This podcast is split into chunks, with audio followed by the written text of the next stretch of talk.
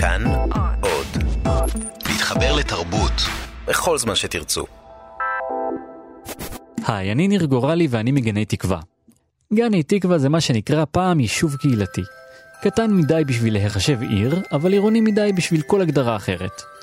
מספיק קרוב למרכז כדי לא להיקרא פריפריה, ועדיין מספיק רחוק מתל אביב כדי להתנהג כמו פרבר מנומנם.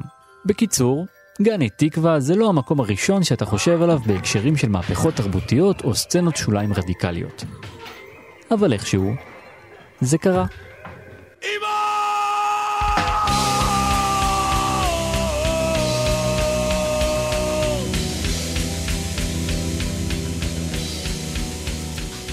בגני תקווה הייתה סצנת פאנק. אנחנו עוד נגיע לזה.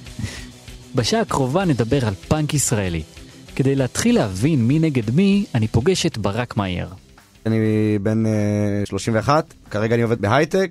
אני בפאנק, בסצנת הפאנק, uh, משהו כמו 18 שנה. ניגנתי בהרבה להקות בעבר. עכשיו יש לי להקה חדשה שנקראת uh, תרבות רעה. אני מגדיר את עצמי כפאנקיסט. אל תשאל אותי מה זה אומר, כי זה לא משהו שאני יכול להסביר. זה קודם כל לשמוע את המוזיקה, זה להתחבר לכעס, לציניות, להומור, למרד, נגד החברה, נגד הנורמות, נגד המדינה, נגד המשטרה, נגד הדרך חיים הנורמלית, נגד המוזיקה המיינסטרימית. למה חששת בהתחלה מהרעיון? מאז ומעולם התקשורת, אה, תמיד בכתבות על פאנק, הוציאה דברים מהקשרם, אה, ניסתה לעשות אה, דברים בצורה סנסציונית, ואני פחות אוהב את זה. שאנשים נגיד מדברים לעומק וזה, ובסוף מה שיוצא מזה שמוציאים, מנסים להוציא אותם חוליגנים, ומוציאים את האמירות הכי קיצוניות רק, ופחות אה, מת, מתמקדים במה שאנשים מנסים להעביר באמת. אנחנו עושים כתבה על פאנק, הנה בואו נעשה את זה ככה שיראו אה, אלימים, אה, מפחידים, שיכורים. אה, מסוכנים כאלה, תראו את השונאי ישראל האלה, קלטו אותם. ברק יודע על מה הוא מדבר. ב-2003, כשהיה בסך הכל בן 19, הוא כבר עשה כותרות שהגיעו עד שרת החינוך והיועץ המשפטי לממשלה. בזמנו הייתה לנו להקה שקראו לה כף על הפנים של מור לבנת. זה התחיל מזה שאיזושהי כתבת במקומון תל אביב הגיעה לזה, עשתה על זה כתבה. אה, מיד היה על זה עוד רעש בעוד עיתונים מקומיים בתל אביב, וגם היה כתוב, היה כתב משהו בארץ על זה, במעריב. אה, השרה לימור לבנת, דאז שרה, שרת החינוך, פנתה ליועץ המשפטי לממשלה שיחקור אותנו. אה, גם היה לנו שיר פרובוקטיבי נגד רבנים ונגד היהדות, גם הוא בעצם עשה הרבה רעש. השיר נקרא מוות ליהדות, הוא אף פעם לא יצא באופן רשמי, מה שאנחנו שומעים ברקע זו גרסה מהופעה שעלתה ליוטיוב. גם הזמינו אותנו ללונדון וקירשנבאום, אמרנו כן, הגענו, לקחו אותנו לחנות מוזיקה להקליט uh, קליפ לשיר שיוכלו להציג אחר כך בתוכנית. התחקירן כל הזמן אמר לנו, תעשו את השיר האנטישמי, תעשו את השיר האנטישמי, דיבר עלינו בזלזול, שמו אותנו למונית לגשת לאולפן. בדרך uh, הבנו שאנחנו לא רוצים את זה עם איך שהתייחסו אלינו, ואמרנו לנהג לנסוע לרכבת ארלוזורוב, חזרנו הביתה. מאוחר יותר, נראה לי כמה חודשים אחר כך, היה גם סיפור שמישהו שהיה חבר כנסת בזמנו, גם פנה ליועץ המשפטי בדרישה שיחקור אותנו בגלל אותו שיר נגד היהדות. חקרו גם אותי במשטרה אה, בהוראת השב"כ וגם עוד אה, חבר להקה. זאת אומרת, אתה חווית במקור ראשון את התקשורת שיכולה לצאת נגדך. בדיוק, בדיוק. וזה היה בדיוק, אה, היה לגמרי, התקשורת עוינת, אה, באו להציג בצורה מסוימת מאוד, לא באמת עניין אותם אה, דקויות או סרקזם. סרקזם אני יכול להבין, אבל איזה דקויות יש בכף על הפנים ללימור לבנת? זה שם שהוא די נטול סאבטקסט. כן, okay. זה אוקיי. שם בוטה ובו זמנית כאילו עם, עם הומור, שזה משהו שתמיד היה בפאנק, לא, לא מנסים להפות דברים, אומרים ככה... תכלס וכאילו בצורה קיצונית, בכוונה, אבל הוא גם לא באמת אומר, לכו עכשיו תרצחו את לימור לבנת, וגם כאילו אין לנו באמת השפעה כזאת, אנחנו לא איזה רבי שאומר לחסידים שלו, לכו אה, תרצחו ראש ממשלה או משהו כזה. כלומר, יש איזשהו קוד לא כתוב בין הלהקה לבין הקהל שלה, שכולם יודעים שזו השפה וזו הנימה. משהו כזה, כן. זה לא פשוט לבוא מהעמדה של התקשורת ולספר את הסיפור של הפאנק בארץ. כדי לוודא שקשה לה להתחלה, אנסה קודם כל להגדיר מה זה פאנק. ואעשה את זה יחד עם הערוץ הראשון, שהגדיר מה זה פאנק בכתבה הראשונה שנעשתה בארץ על התופעה ב-1978. תופעת הפאנק הגיעה אלינו מאנגליה. זוהי כרגע הצעקה האחרונה של הצעירים בעולם המערבי. הפאנק עצמו אינו שם אופנתי, זהו שם תואר מן המאה ה-16. מילון אוקספורד מגדיר, מושחת, מגעיל, חסר ערך. תנועת הפאנק היום מתאימה עצמה להפליא להגדרות הללו. הלבוש דוחה ויוצא דופן, השיער צבוע בכל צבעי הקשת, וסיכות ביטחון תקועות בכל חלקי הגוף. המטרה היא לזעזע. מוזיקה, שלושה אקורדים וזהו. כן, אה, לא צריך לדעת מוזיקה כדי לעשות להקה, צריך להעביר את המסרים שלך. זה מיכאל רורברגר. אומן, ארכיאולוג, צלם, מבקר רוק. מיכאל, שרואיין לאותה כתבה, היה שם בזמן אמת כשהפאנק נולד באנגליה באמצע שנות ה-70. השנה היא 76, זה מתחיל בזה שאני עדיין קצת היפי, ומגיע כאילו להופעה של פינק פלויד, אנימלס. בדיוק באותו ערב אני גם מגיע למועדון הרוקסי ורואה להקה בשם איטר.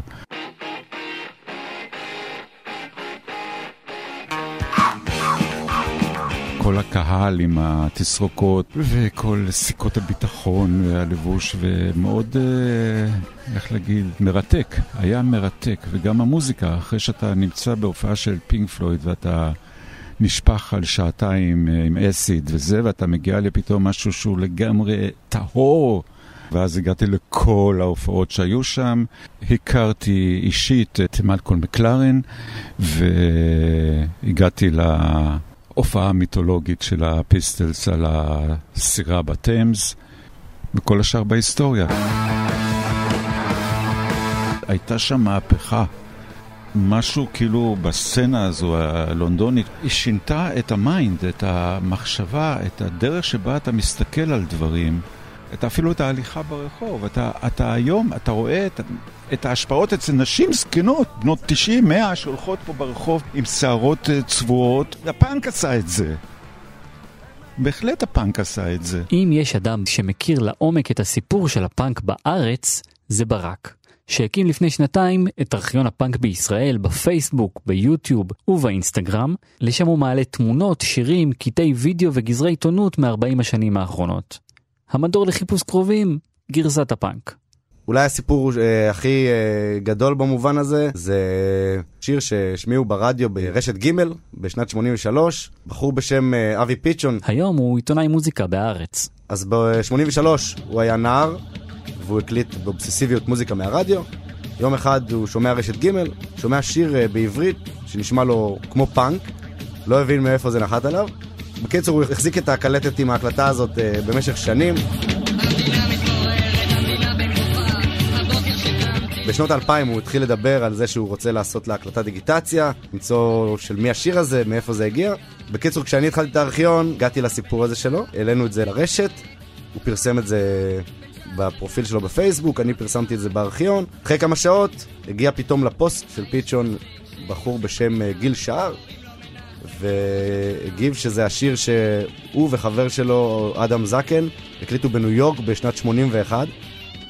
השיר הזה מעולם לא יצא בשום צורה שהיא אה, רשמית. גם לגיל שער לא היה ברור איך זה הגיע לרדיו. זה גם ריגש אותו מאוד, זה היה מרגש בכלליות לדעתי, ולפני כמה חודשים הוא נפטר, אז לפחות אה, הוא השאיר משהו לפאנק.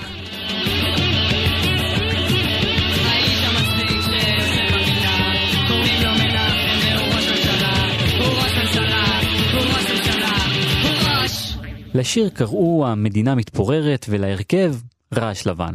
בתחילת שנות ה-80 פאנק ברדיו ועוד בעברית בהחלט היה נדיר. אבל זה לא היה הפאנק הראשון שנעשה בארץ. ההקלטה הראשונה במיתולוגיה המקומית שאיכשהו מזכירה פאנק נעשתה על ידי הבחור ההוא. כן, המשוגע. אריאל זילבר.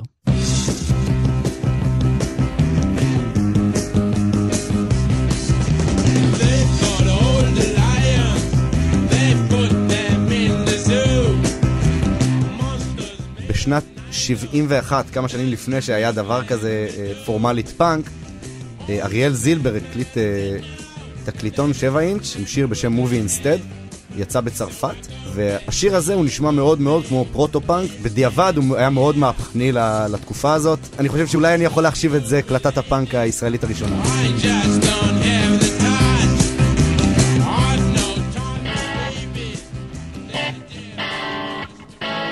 בסוף שנות ה-70 היה את uh, פורטיס, שאומנם הוא לא באמת uh, ניגן uh, כמעט פאנק, והוא גם uh, לא היה פאנקיסט, הוא לפחות לא העיד על עצמו כפאנקיסט, אבל היה מבחינת התקשורת, uh, זה מה שהיה פאנק.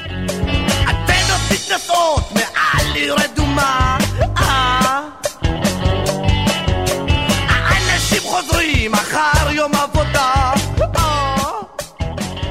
גם מיכאל רורברגר, שחזר כבר לישראל, מסתייג מהתיוג. אני חוזר לארץ ב-78 בערך, ואז כולם אומרים לי פורטיס, פורטיס, פורטיס, ופאנק. אני לא חושב שפורטיס היה פאנק, אולי באטיטיוד, באטיטיוד, בכיוון, אבל הוא עדיין היה רוקנרול. כרומוזום, היחידה לטיפול נמרץ, אה, ז'אן קונפליקט, מוזיקה הרבה יותר מורכבת, הרבה יותר אומנותית. הלהקת פאנק proper הראשונה נראה לי שהייתה בארץ, זה להקה בשם uh, סמארק. שגם הופיע עם פורטיס בזמנו. סולן הלהקה היה עופר רקרלינג. כמה שנים מאוחר יותר הוא שר את הלהיט "לא רוצה לזמביה". ב-1978 הוא עוד כינה את עצמו סטינקי המסריח. אה, למה אנחנו מנגנים פה בשביל להגיע לקהל, להסביר לו מה קורה בעולם, שהכל זבל, מלוכלך, מסריח. בגלל זה גם קוראים סטינקי. כי מסריח. גם הוא מסריח, גם אתה מסריח, כל המסריחים. סמארק, אה, אני חושב, היו הראשונים בארץ שניגנו אה, פאנק proper. הם לא שרדו הרבה, הם לא הקליטו אף פעם. ממה שהבנתי, אה, היה... הם הגיעו להקליט יום אחד באולפן, ומה שקרה זה שאחרי חצי שעה, טכנאי הסאונד שהיה שם, גרי אקשטיין, גירש אותם מהאולפן כי הוא אמר שהם לא מנגנים מספיק טוב. אז ככה הפסדנו הקלטות של להקת הפאנק הישראלית הראשונה. בדיעבד אפשר למצוא בשנות ה-80 הבלחות של פאנק בארץ. בירושלים פעל הרכב בשם חולרה, מקיבוץ מצובה בצפון, בפרפרזה על הדד קנדיז מארצות הברית, קמו הדד בגינס. אבי פיצ'ון הקים את נ"מ. להקת פאנק הישראלית הראשונה שהייתה באופן מוצהר אה, פוליטית, אנרכיסטית, שניסתה להביא משהו uh, מעבר לאופנה ולמוזיקה בפאנק בארץ. ובכל זאת, את כמות הלהקות אפשר לספור על יד אחת, והקלטות שלהן נדירות עד לא קיימות. וכשאין הקלטות, תודה גרי אקשטיין, קשה מאוד להפיץ את הבשורה הלאה לדורות הבאים. אחד הדברים הגדולים בפאנק המוקדם זה להקות של צעירים ברמות של בני 14 עד 16, אולי לפעמים 17, שהוציאו 7 אינץ' סינגל, והיה להם לפני זה קלטת דמו. וזה יוספול ברמות, אתה שומע את הדברים האלה, אתה אומר, אה, זה לא יכול למות. זה ישי ברגר, מקים טברנק ובועה לבר, חבר בעוד הרכב קטן שנגיע אליו עוד מעט. הוא גם אספן תקליטי פאנק מכל העולם. 77 עד 82, זה הטסט של כל uh, אומת פאנק. ובכל מקום שפוי, ואני אגיד שוודיה, פינלנד, ברזיל, כמובן קנדה, אמריקה, אוסטרליה, יפן, מטורף, יצאו פשוט מאות ואלפי, מה שאמרתי, סינגל ודמו. סינגל ודמו וסינגל ודמו וסינגל ודמו, ולפעמים חלק מהלקות האלה, אחת מחמישים ממשיכה לתקליט, ואחת ממאה עושה שני תקליטים, ואחת לאלף עושה קריירה לכל החיים. אם היה מבחן, ונקרא למבחן הזה מבחן 77 עד 82, ישראל נכשלה בטירוף, כלומר יש אפס. לא הגענו למבחן, לא התעוררנו לבחינה הזו. בואו נדבר על שוודיה, אז אנשים נכנסו למוזיקה כזו מתי שאני, ב-91-92. אז היה להם המון uh, להסתכל אחורה במדינה שלהם, בשפה שלהם, שהוא כזה, וואו, את זה, אוקיי, את זה כבר אמרו, את זה כבר אמרו, את זה כבר... הם בדקו המון המון דברים, והם יכולים ליישר עם זה קו. אז אם לפי ישי, כל מה שצריך בשביל פאנק זו חבורה של נערים בני 14 עם גיטרות וצורך קל למרוד, למה בעצם נכשלנו במבחן הזה? מה מבדיל את ישראל ממדינות כמו שוודיה, ברזיל או יפן? מדינות שקיימו סצנות פאנק עצמאיות בזמן אמת. הארץ היא קטנה מדי והיא אה, מבודדת מדי. ויש דברים שאני חושב שהם מאוד uh, טובים למקום הזה בזכות זה שהוא מה שהוא הצורה הזאת המוזרה באמצע האטלס שאי אפשר להיכנס או לצאת אליה עם אוטו או כל דבר אחר, או... אבל uh, לפאנק זה, טרמינלי, זה הרג אותו. זה מקום קטן וכולם הולכים לצבא בגיל 18, זהו, הרגת אותו, זה מת.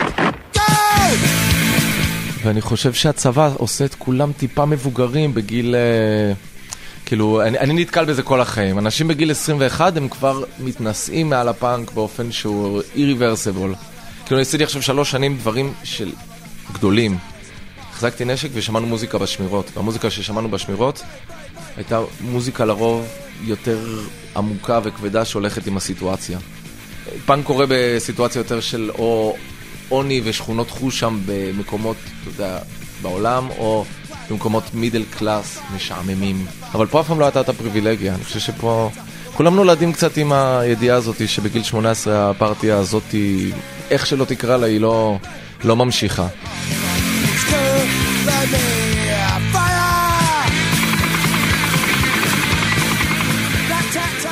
ואני חושב שאין כזה דבר פאנק ישראלי באמת, ואם אי פעם היה, הכתר, ואני לא אומר את זה בשרלטנות, אני אומר את זה כי כאילו לא באמת, אה, לא יכול לחשוב על סצנריו יותר מדויק מזה, זה של גני תקווה. כאילו וייף ביטר לבנה ומעיל אור וחולצה של אקספלויטד או סיד וישס כמדים זה גני תקווה.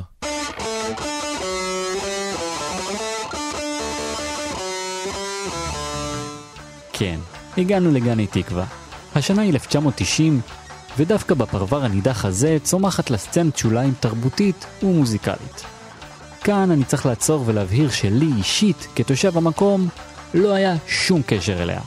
ב-1990 הייתי בן שמונה, בשבילי פארק שיקגו היה מקום שצריך להיזהר כשהולכים בו בלילה, בגלל אותם פנקיסטים מפחידים.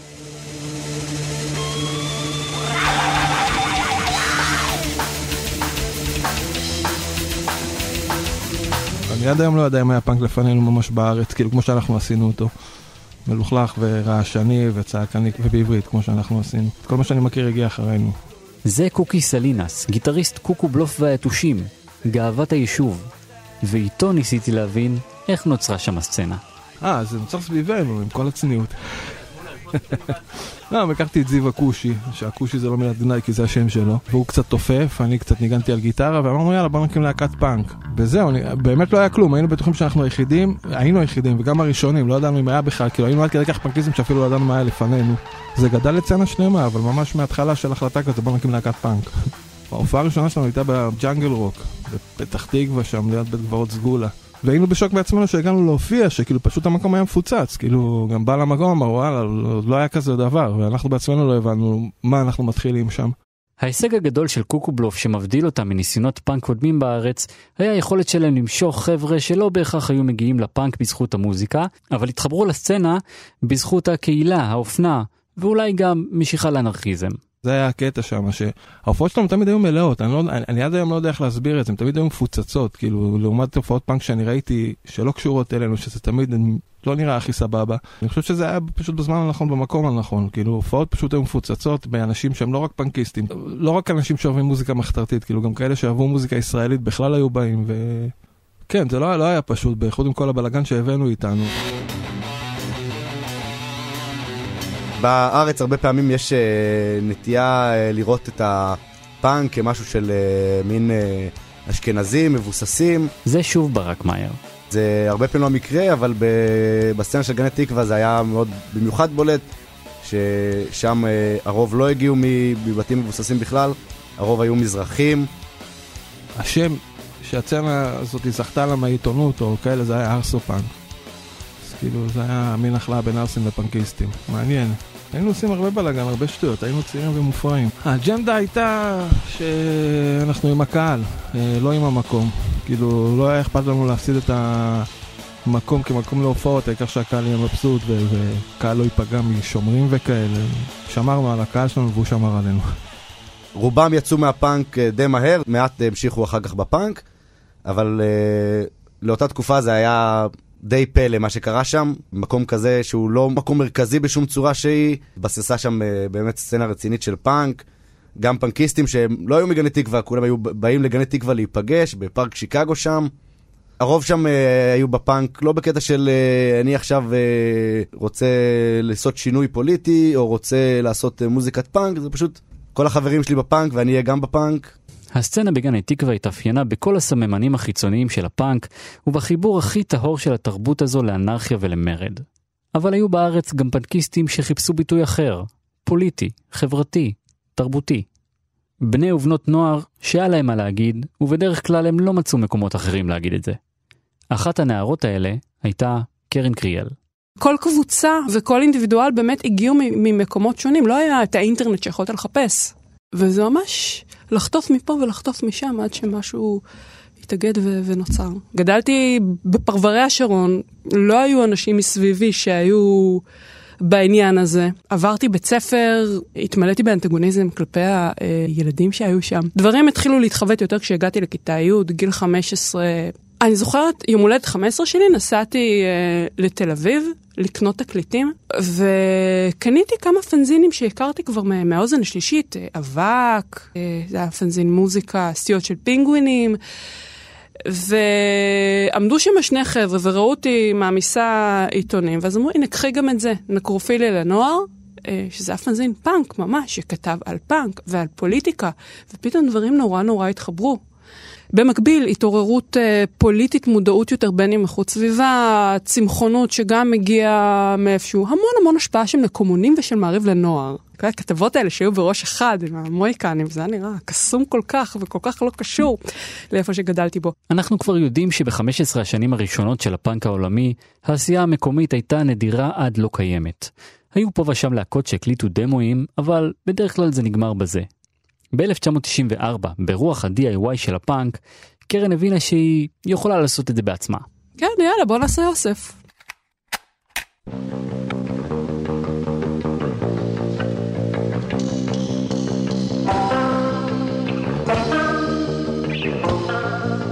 זה היה איזשהו רגע של אורקה כזה, בהופעת פורים פאנק, בשנבו אה, בלילינבלום ב-94. ואמרתי לעצמי, וואי, איזה, איזה מגניב, איזה יופי של מוזיקה יש, כאילו בואו נעשה עם זה, שזה, שזה לא יאבד. אז אה, תשעה חודשים אחרי, משכנתי את הבאס שלי אצל אחי אה, בשביל הלוואה כספית. הגעתי להקות, שלחו לי דברים, שלחו לי חומרים, והוצאתי את זה בחנוכה של 94. לא, לא יותר מדי ידעתי מה, מה אני עושה, לאן אני הולכת, אה, אה, עלויות, אה, רק ידעתי שבמסגרת הפאנק אסור לי להרוויח על זה, ואסור לי, אה, כן, ואסור קופירייט. זאת אומרת, זה, זה שני הדברים שהנחו אותי. לאוסף שזכה למעמד מיתולוגי קראו פרוורוטי. הוא יצא כקסטה בחנוכה של 1994. אתם עדיין יכולים למצוא אותו בתוכנות שיתוף קבצים כמו סולסיק. תורידו אותו חופשי, זה פאנק, מותר לכם. האוסף כלל את כל השמות הבולטים בפאנק הישראלי. להקות כמו נ"מ, קוקובלוף וסרטן השד.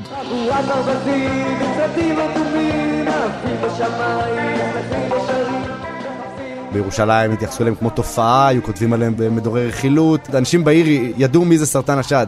הגיטריסט של סרטן השד הוא אשר סוויסה. אתם בטח מכירים אותו כסקאזי. באוסף אפשר למצוא הרכב נוסף ובולט בפאנק של שנות ה-90.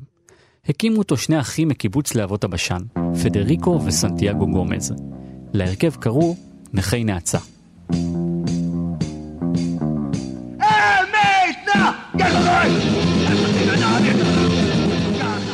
לנכי נאצה הגעתי דרך אה, נקרופיליה לנוער, כתבתי להם, נפגשנו באיזשהו שלב. ההופעת פאנק הראשונה שהייתי זה היה שלהם ושל קוקובלוף ויתושים, וזה די הפך את הראש פתאום. האינטנסיביות והמילים והשירים הקצרים. לכן ההצעה, הם פשוט uh, אמרו דברים ציניים וחריפים וגאוניים, ויחד עם זה מאוד uh, פרובוקטיביים. אף אחד לא העז, אבל מצד שני אף אחד גם לא היה לו את הגאונות הסונגרייטרית הזאת. בן אדם חריף בצורה לא רגילה, שהוא מעוצבן ברמה לא רגילה, ויחד עם זאת יש לו איזה vision שהוא יודע מה הולך להגיד. ישי מדבר על פדריקו גומז. הוא אחר כך עשה להקה שנקרא דיר יאסין. רוב הקהל שלה, כולל אני, למד על דיר יאסין, מעצם זה שיש להקה שנקראת דיר יאסין. הם הכניסו לך את זה לתודעה. הם לא הביאו וודקה ואיזושהי חולצה, הם הביאו את דיר יאסין.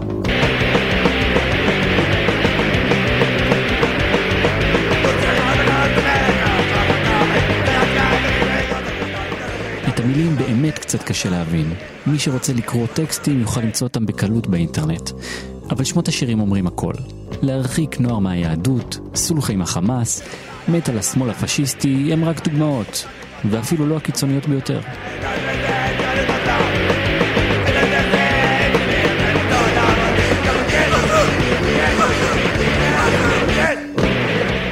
ב-1995 קרן הצטרפה לאחים גומז כבסיסטית. כל הדברים האלה, זה, זה, זה היה די אה, נקודת מפנה אה, בשבילי. אני פשוט ארפרר ל... לשם של ביקורת אה, המוזיקה בנקרופיליה לנוער, רועש, פוליטי ולא מתפשר. זה מה שמשך אותי לנחן נאצה, אני חושבת שזה גם מה שהיה מאוד מיוחד בהם אה, ביחס לדברים אחרים ש... אה, שקרו. אין, אה, אתה יודע, אף אחד פה לא, לא ממציא את הגלגל. יש את השבלונה של הפאנק, ונורא נורא קל לכתוב שיר נגד כפייה דתית. זה מה שלימדו אותנו להקות מחו"ל אה, לכתוב עליו. או איזשהו שיר נגד ניסויים בבעלי חיים. המילים של נחן נאצה, ככל שליריקות יכולות להיות אה, עמוקות, היו קצת יותר. הנושאים היו הרבה יותר חדים, דברים שלא נעים אה, לשמוע, וגם הרבה מאוד סאטירה. מוכרים אירועים לבני עקיבא. אני חושבת שזו הייתה להקת הפאנק הכי ישראלית באותה תקופה. זה מאוד היה הכאן והעכשיו.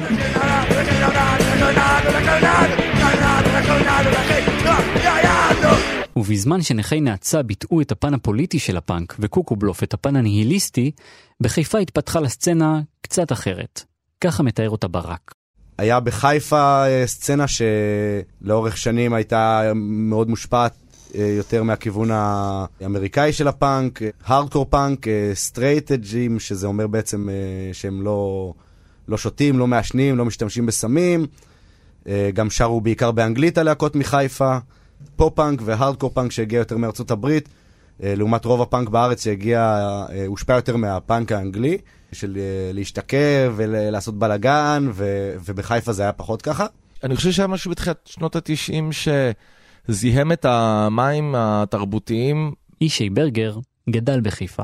היה ממש מדהים, היה DIY יחסית אגרסיבי, לקחו כל space שאפשר לעשות בו הופעות, כל סיטואציה שאפשר להקליט בה איכשהו שירים. המון ילדים היו שולחים כסף במעטפה לכל מיני מקומות באמריקה, שישלחו להם איזושהי חולצה או תקליט או baggies, מכנסיים. הראו עם הרבה קסטות של סקייטבורד, בווידאו כזה, VHS. זה נחמד, זה רומנטי. ב-1994, כשישי היה בן 16, הוא הצטרף ללהקה של חברים שגדולים ממנו בארבע שנים. ללהקה קראו יוסלס איי-די, וכבר אז היה למוניטין של הלהקה הכי טובה בחיפה.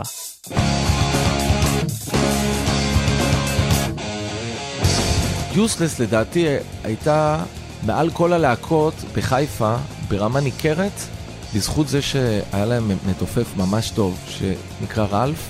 הוא היה skater, היה לו מוהיקן, היה לו קעקועים כאלה, קעקועי אומץ. אני לא מאמין לדוגמה שבגני תקווה היה נגיד באותה נקודה אנשים עם קעקועים נגיד כמו רלף. הוא היה יותר punk rocker מרוב האנשים בארץ בנקודה הזאת.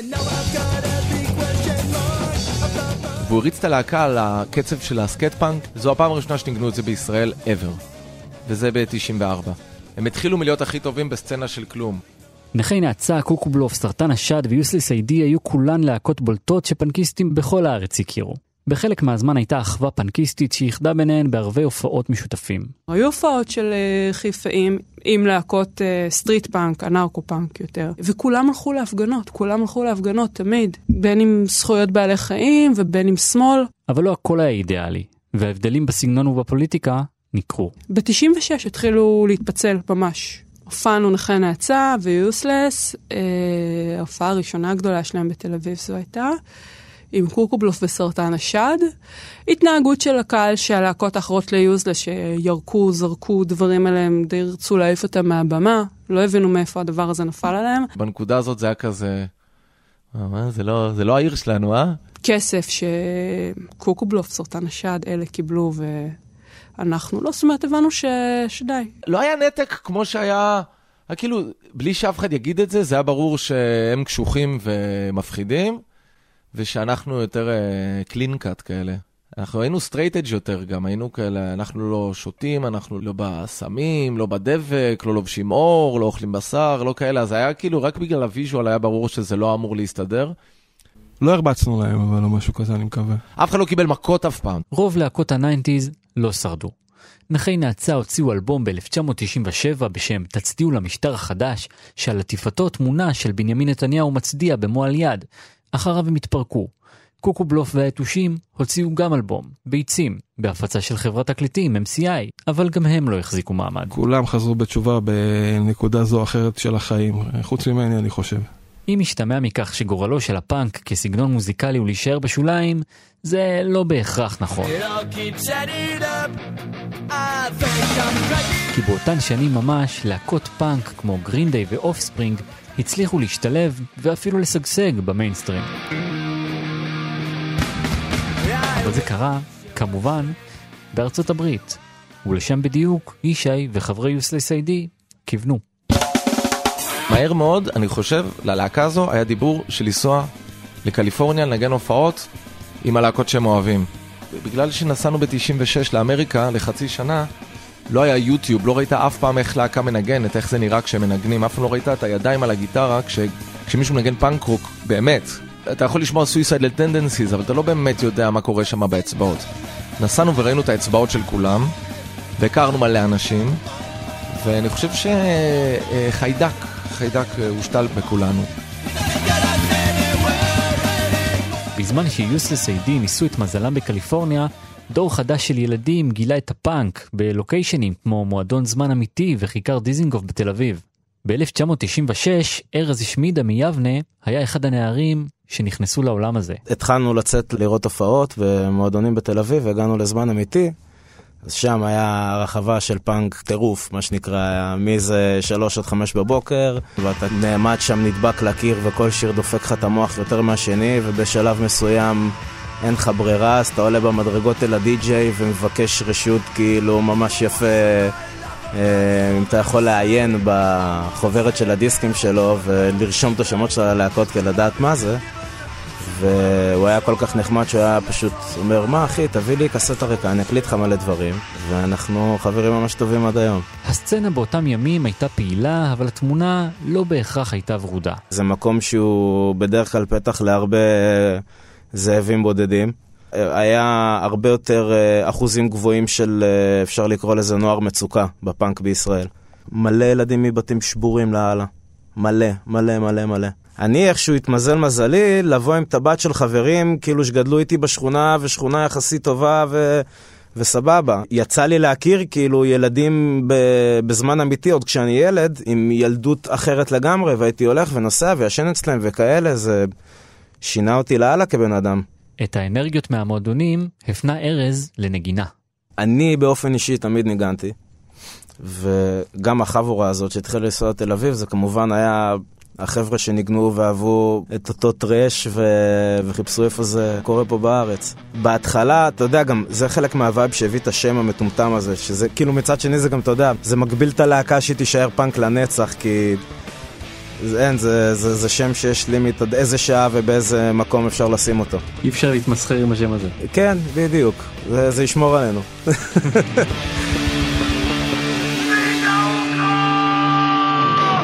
השם של הלהקה היה הפוסי של לוסי. התחלנו לכתוב חומר מקורי, בעיקר בזכותו של אה, אסף שיש. הגיטריסט הנוסף לצד ארז. הוא הביא את סמים עלינו זין.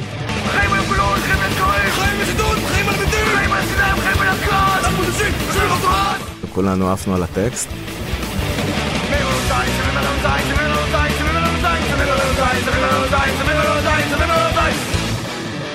פשוט רק יריעה על איך הפוליטיקאים ממשיכים אה, להיות ניזונים מאיתנו ואנחנו ממשיכים לתת להם את הדלק. בעיקר נפל לנו האסימון אחרי זה שאם אתה שם על עצמך תיוג של פאנק ועוד אתה מישראל, אז בטוח יש לך מה, מה להגיד. וגם בלי קשר היה לנו, היה, היה מה להגיד. באנו ממקום שהוא לגמרי ההפך, כאילו. מה זה ההפך? אה, גדלנו בשכונה צבאית, ההורים של רובנו היו קצינים, אנשי צבא, זה, זה מה שהכרנו מגיל אפס. כן, ארז וחבריו נולדו בשכונה של אנשי קבע ביבנה. מה שעמד בניגוד מוחלט לטקסטים האנטי-מיליטריסטיים של ההרכב. בקטע האישי זה מתחזק את היחסים, ואני חושב שעם השנים ועם המציאות שרק uh, הולכת ודועכת מול עינינו, הוא לאט לאט מבין אותי יותר ויותר. בקיץ 2002 יצא האלבום צו 8. צו עם ב' כמובן. הפוסי של לוסי הופיעו במועדון הפטיפון בתל אביב. הייתה הופעה טובה, לא נהרסו מוניטורים, היה ממש כיף. מכרנו קצת דיסקים מהבגאז' של, של האוטו, על המדרכה ביצחק שדה. זה היה הרגע הראשון שהבנו שאוקיי, אנחנו צריכים להשתדל להישמע טוב. גם ברק היה בהופעה ההיא. פגשתי שם את אה, עמרי uh, גולדין, שהיה אחד uh, משני הסולנים של הפוסי של לוסי, שגם הכרתי אותו מקודם, היה חבר. Uh, והוא גר באזור שלי, באותו אזור שגרתי בו בצפון. הוא עבר לשם ממש לפני הצבא, והכרתי אותו, שאלתי אותו אם uh, הוא יכול לקחת אותי טרמפ צפונה. הוא נסע באותו יום ליבנה, אבל יום אחרי זה הוא אסף אותי מיהוד השרון, בדרך צפונה, נסענו צפונה.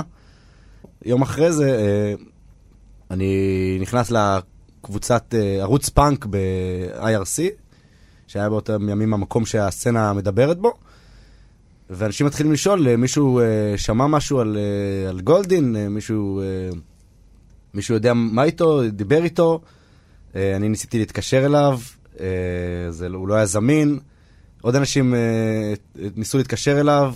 האוטובוס שהתפוצץ בקו 361 יצא בשבע ורבע מחיפה לצפת ועצר בתחנות רבות. עדיין לא נקבע אם מחבל מתאבד עשה את הפיגוע באוטובוס בצומת מירון, או שמטען חבלה הושאר בתוך האוטובוס. המשטרה דיווחה על עשרה הרוגים בפיגוע. ואחרי איזה שעה פתאום מישהו אומר, אה, טוב, אה, אז הוא היה בפיגוע באוטובוס אה, בהר מירון, ובעצם ככה נודענו לעניין הזה, ש... שהוא נהרג בפיגוע. בהלוויה שלו הגיע אוטובוס מאורגן מ... שיצא מכיכר דיזינגוף, הרבה פנקיסטים. פתאום הרבה פנקיסטים מגיעים ל... לבית העלמין המקומי של החור שאני גר בו. הייתי מעדיף שיגיעו לאזור בנסיבות אחרות. המוות של עמרי היה שוק לארז וללהקה. הייתה הופעה שכבר הייתה גבוהה לאיזה שלוש שבועות אחרי. אז קודם כל היה דיבור על אם לבטל או לא לבטל. וברור שלא היינו נוהגים ככה בלי התמיכה של ההורים שלו, שאמרו לנו, אנחנו מאוד נשמח אם תופיעו ואנחנו אפילו נבוא, והם באו. היינו גם כל השבוע הראשון ביחד. אה, ממש לא, אף אחד לא עזב את אף אחד, ורק מלא חברים באו כל הזמן מבחוץ. וידענו שבאותו רגע שאתה יודע, כמה שנמשוך את זה יותר, זה יהיה יותר קשה, כאילו. אם אנחנו עכשיו נגיד, טוב, אנחנו צריכים איזה חודש לנוח ועוד חודש נעשה חזרה, זה... אז uh, אנחנו כמו, כמו חבורה של מפגרים, נכנסנו לחדר חזרות יומיים אחרי ההלוויה. נגנים שיר, עוצרים באמצע, נגנים שיר, עוצרים באמצע. אה, חזרה של שלוש שעות, אולי הצלחנו לנגן איזה שניים וחצי שירים. אבל זה היה מאוד... Uh, מאוד משחרר, ונראה לי אחלה, אחלה איחוי לפצע סך הכל. הפוסי של לוסי אכן התפזרו, אבל זה לקח להם עוד כמה שנים. הפאנק של שנות האלפיים חווה פריחה גם מבחינת הקהל וגם מבחינת הלהקות. אמצע של, ה, של העשור הקודם היה לא רע בכלל, היה כיף לאללה. בעיקר פתאום אה, נהיה לגיטימי שלהקות מהסצנה שהן כבר פעילות איזה שנתיים שלוש והן כבר באלבום השני או משהו, לגיטימי שהן פותחות אה, קופה בברבי וזה קורה. Man Alive, גאד נושם, כן, זה מהעשור הקודם גם. והלהקות של, של התקופה האחרונה יחסית, שנותנות בראש ממש בשלוש עד חמש שנים האחרונות, כמו נוטון טור או קידס אינסיין. אחת הלהקות הייתה יוסלס איי-די, שלא נשארה בקליפורניה, אבל כן המשיכה לצאת לסיבובי הופעות ברחבי העולם ולהוציא אלבומים בלייבלים בינלאומיים. גם בישראל שמחוץ לסצנה התחילו לשים אליהם לב.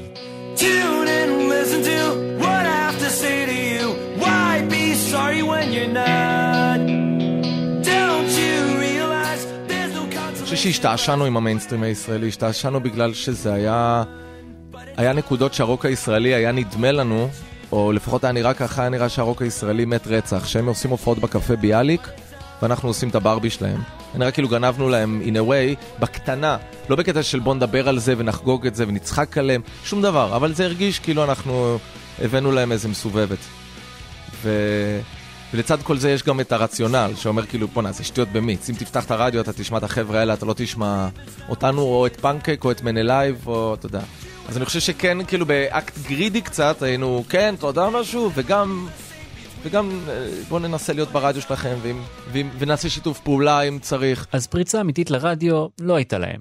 אבל אם אי פעם ראיתם, או נתקלתם במקרה, בפרק של רמזור, כנראה ששמעתם את השיר הזה.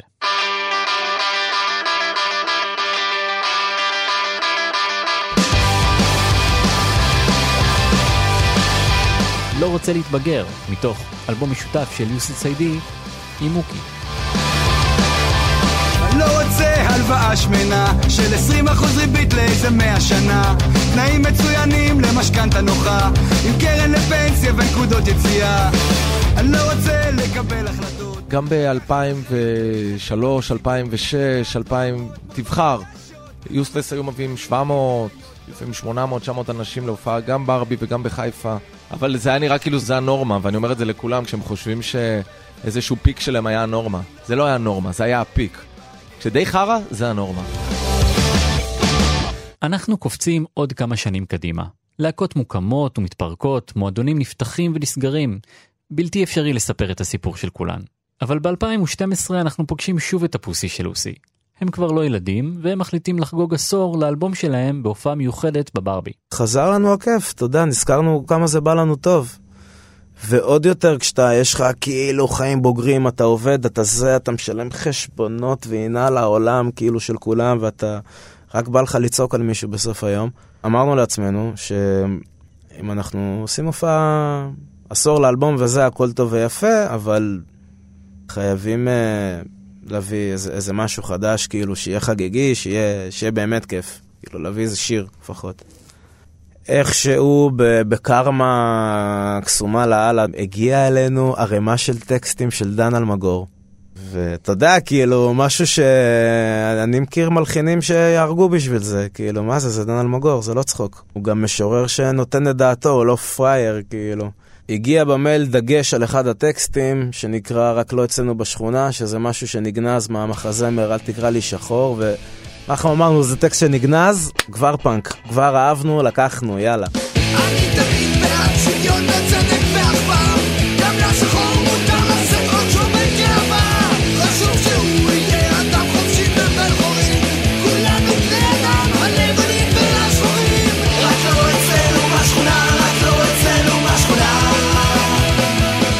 הרבה בזכות הסיבוב השני שלה והאלבום מסיתים למרד, ולמרות השם, הפוסי של לוסי הפכה לאחת מלהקות הפאנק האהובות ביותר בסצנה ומחוצה לה. יצא לי לראות בהופעות שלנו בשנים האחרונות, אם זה ביערות מנשה או אם זה באינדי נגב, אתה יודע, הורים עם ילדים בפרונט, כאילו, זה, זה מדהים, כן, זה, זאת הייתה הכוונה, להביא את המהפכה לכל המשפחה. בשלב מסוים אתה גם כאילו, אוקיי, אתה, אתה פאנק, כאילו, מה אתה כל החיים שלך תופיע מול אלה שמסכימים איתך? תן לי להופיע ושישימו לי משהו בראש, כאילו. תן לי, תן לי לעמוד עם גיטרה מול השונאים הכי גדולים שלי, מול אלה שחושבים הפוך ממני. הכי מרגש שהיה לי באופן אישי, יש לנו איזה קטע בסוף ההופעה שאנחנו עושים איזה שיר מוכר כזה שיש בכל הארץ על uh, לובשי המדים. והם פשוט, אני קולט פתאום תוך כדי, שמצד שמאל של הבמה, גוש של 60 שוטרים ואת כל הקצינים כאילו שאתה יודע, מפקחים על הפסטיבל. ואני כאילו, אתה יודע, מה לעשות, אתה מחייך וממשיך ואתה וואו, איזה כיף. זה הרבה יותר כיף מאשר, אתה יודע, במועדון מועדון עם 200-300 פנקיסטים ששונאים אותם בדיוק כמוך.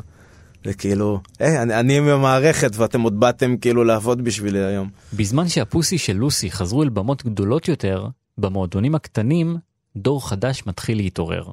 היי, אני עדי פרוניצקי. עדי היא בת 21. היא נולדה בשנה שקוקובלוף התפרקו.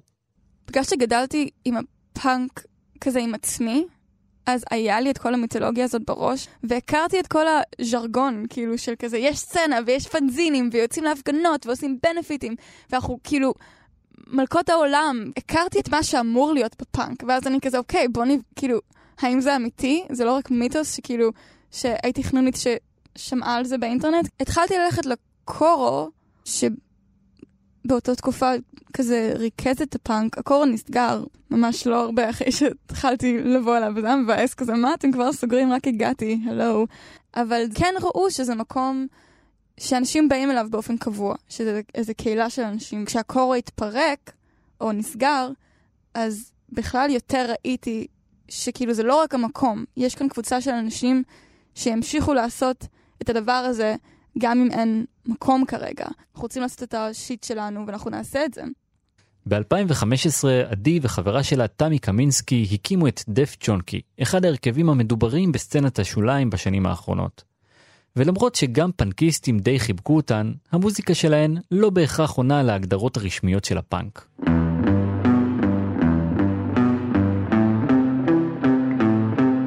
נורא מצחיק איך שהפאנק זה באמת אחד מהתנועות שהזהות וההשתייכות לתנועה כל כך דרסטית, או שאת פאנק או שאת לא. הרי בתור פנקיסטים אנחנו לא אוהבים הגדרות, אז מה אנחנו עושים?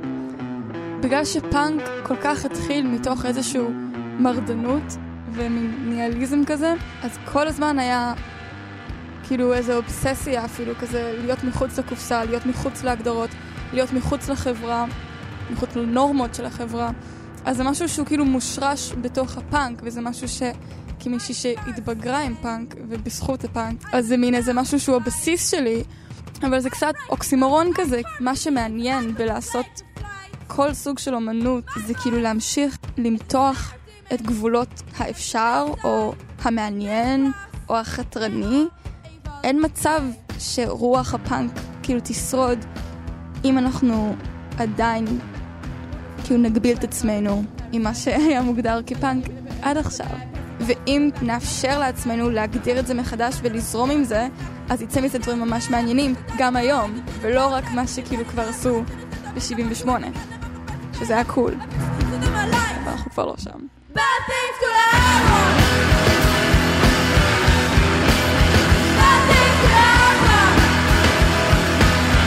עדי נוקטת עמדה פרוגרסיבית אפשר לומר לגבי מהו פאנק, וזה נכון מבחינתה לא רק במוזיקה, אלא גם באופנה.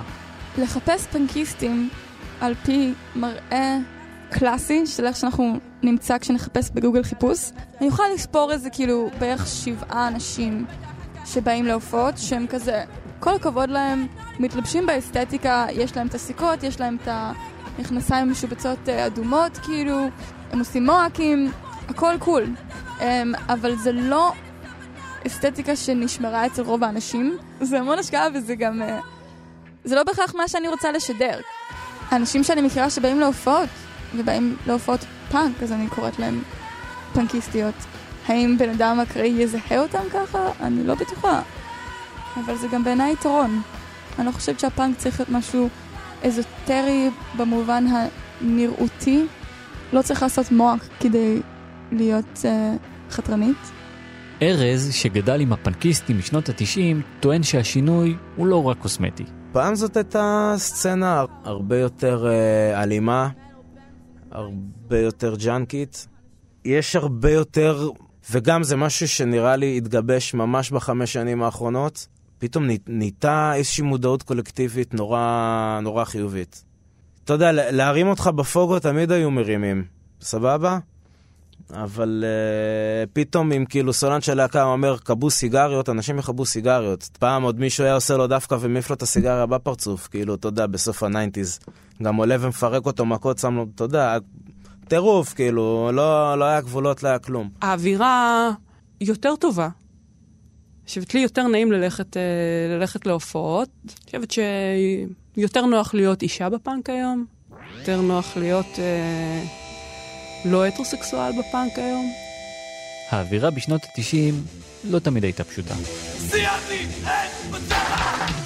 זיינתי את בת שבע, וואי, זה כאילו חתיכת קולפה. כן, אתה יודע, זה דבר שהיה לגיטימי, אז ואיזה יופי שהפאנק עדיין פה, ושדברים כאלה כבר לא עוברים. זה שיר של קוקו בלוף והיתושים, שגם נכלל באוסף פרוורוטי, האוסף שקרן ערכה. זה גם לא, לא פשוט לדבר על זה עכשיו, אתה יודע, בראייה בוגרת ופמיניסטית.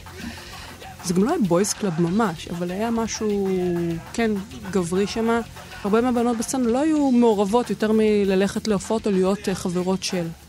וכמובן היו מקרים אה, לא פשוטים של slut uh, shaming, של תקיפות מיניות, היו את הדברים האלה. יש לפעמים בהופעות מסוימות תחושה של איזה מועדון בנים כזה, איזה מצ'ואיזם. הרי יש פוגו, סבבה? שזה איך שרוקדים בהופעה. וכשיש להקה שיש לה איזה vibe מאוד גברי, ויש לה קהל עם vibe מאוד גברי ומאוד מאצ'ו, אז הם גם ככה רוקדים. ופוגו במהות שלו דוחפים, תופסים ונופלים, וזה צחוקים. אבל כשעושים את זה מוגזם, או שעושים את זה בצורה לא מודעת למי נמצא בסביבתך, אז אתה יוצא מניאק, ואנשים נפגעים. ויש גם הופעות שהיה בהם שיט יותר גרוע, של כזה נגיעות ודברים לא לעניין. אבל מה שטוב זה שיש לנו בקהילת פאנק את הנשים שמודעות לזה ורוצות לדאוג לזה שלכולן יהיה נוח. כל עוד זה בידיים שלנו, אז לכולן יש מקום ולכולן יהיה נוח, ואם את מרגישה אחרת, אז יש לאן לפנות, ואני מקווה שזה מורגש. אבל לא חייבים לדבר על הטרדות מיניות כדי להבין את האבסורד שמרגישות נשים בפאנק. ארגנו בחיפה הופעות פאנק, וקראו לזה פאנק נגד סקסיזם.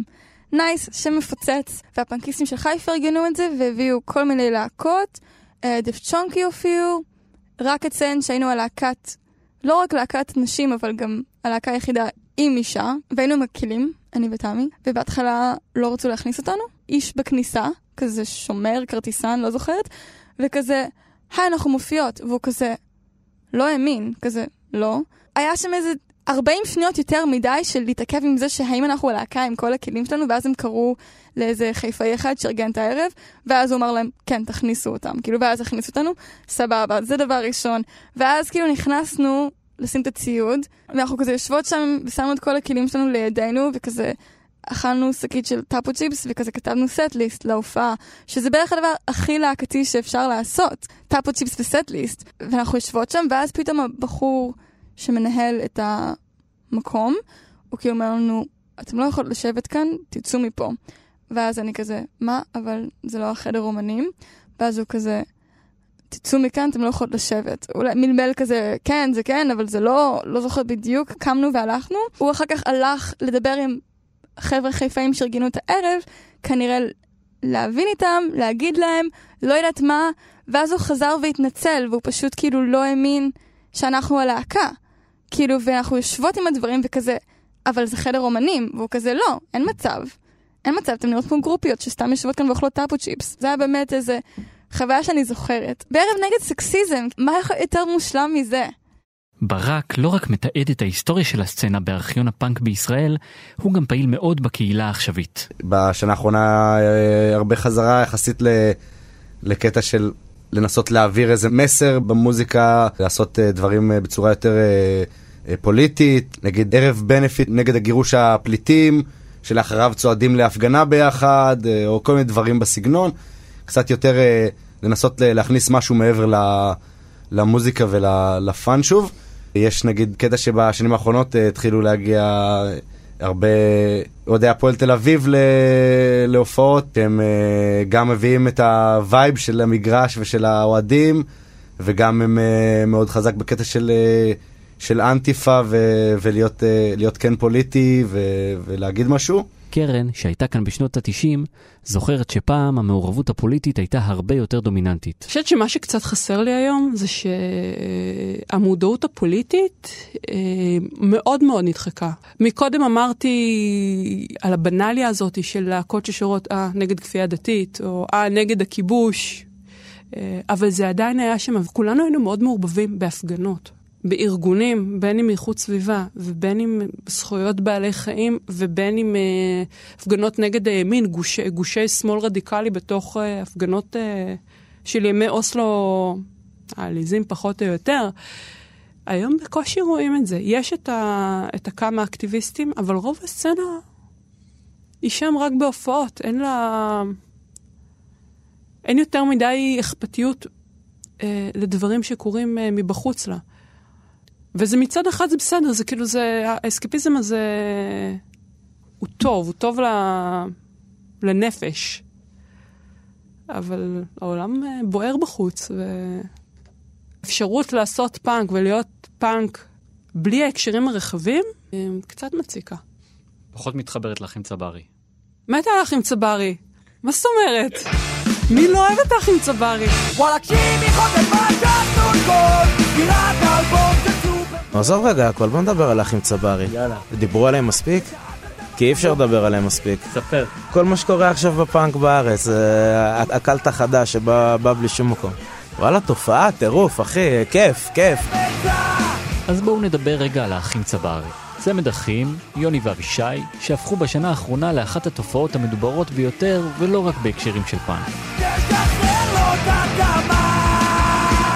הם לא שרים על הכיבוש, אבל הטקסטים הנונסנסיים שלהם עשירים ומקוריים. יש שיגידו אפילו פורצי דרך. הרבה פעמים אנשים באים לפאנק ומרגישים שהם חייבים קודם כל לשים את הקלפים על השולחן. אה, זה בסדר להיות הומו, זה בסדר להיות אה, טראנס, וזה בסדר אה, לשנוא את ה...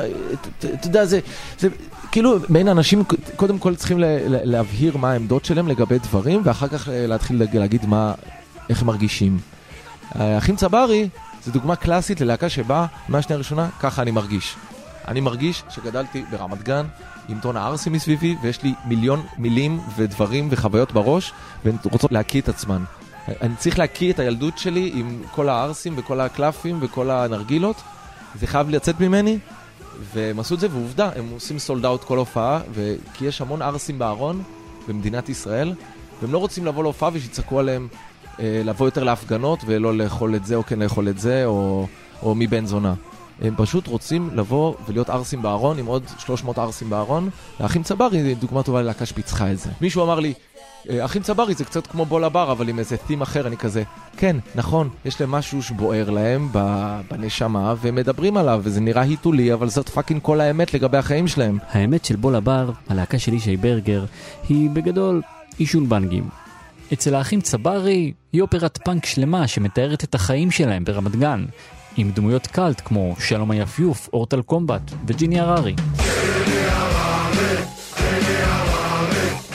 ואם נתנו השראה קצת לאחים צברי, כמובן שזה עושה אותי גאה ושמח, ואם האחים צברי ייתנו השראה לאנשים, אה, פשוט לשיר, אתה יודע, בצחוק או לא, בכל צחוק יש מלא אמת, לשיר על דברים אמיתיים מהקיום שלהם ולא על דברים מספר הפאנק, אז כמובן שיהיה פה יותר מעניין.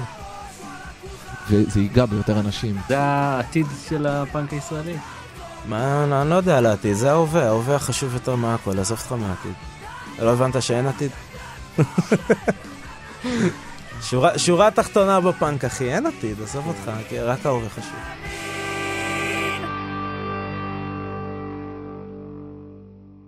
תודה רבה שהאזנתם.